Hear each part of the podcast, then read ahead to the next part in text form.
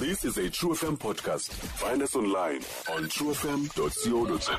ukhona umyalezo apha phambi kwami obalulekileyo from uh, the department of uh, public works and in- infrastructure.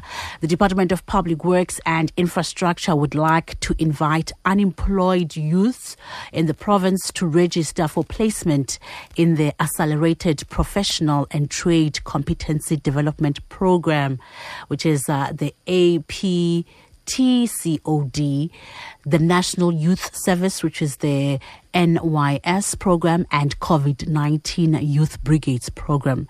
The target for all the programs is unemployed youth between uh, ages of 18 and 35.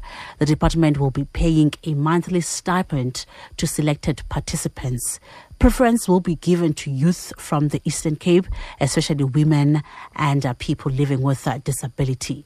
Qualifying applicants can visit the department's website on uh, www.ec dpw.gov.za.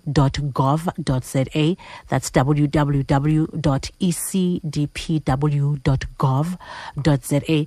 The closing for COVID 19 brigades is the 21st of August, which is today, and uh, the closing uh, for the Accelerated Professional and Trade Competency Development Program and uh, the National Youth.